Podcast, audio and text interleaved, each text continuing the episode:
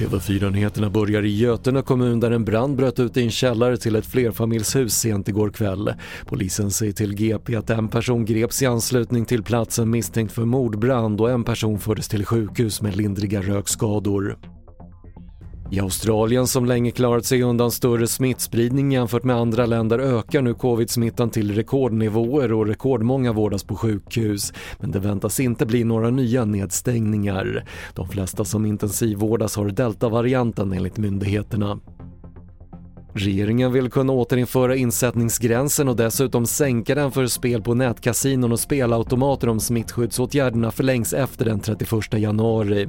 I förslaget som nu skickas ut på remiss föreslår regeringen bland annat en förlängning till slutet av juni. Och pandemin har inte dämpat företagsetableringen i Sverige. Istället slogs för andra året i rad nytt rekord i antalet företagsstarter i fjol och enligt statistik från Bolagsverket ökade nya företag med 7,1% jämfört med det tidigare rekordet från 2020. Och allra störst var ökningen i Blekinge. Fler nyheter hittar du på TV4.se. Jag heter Patrik Lindström.